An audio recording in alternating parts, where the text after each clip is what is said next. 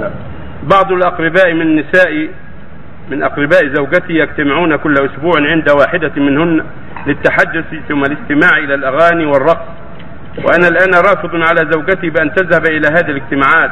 فما الحكم في هذا؟ أرجو إرشادي ونصيحتي أنت مأجور. إذا كان اجتماع على الرقص والأغاني والفساد تمنعها من الحضور أما إذا كان اجتماع بين الجيران على الخير وعلى حديث لا بأس بها والاناث من بعضهم لبعض ليس فيه محذور فلا بأس بأن يتزوج الجيران أما إذا كان على الأغاني والملاهي فلك حق أن تمنعه. وأنت مأجور.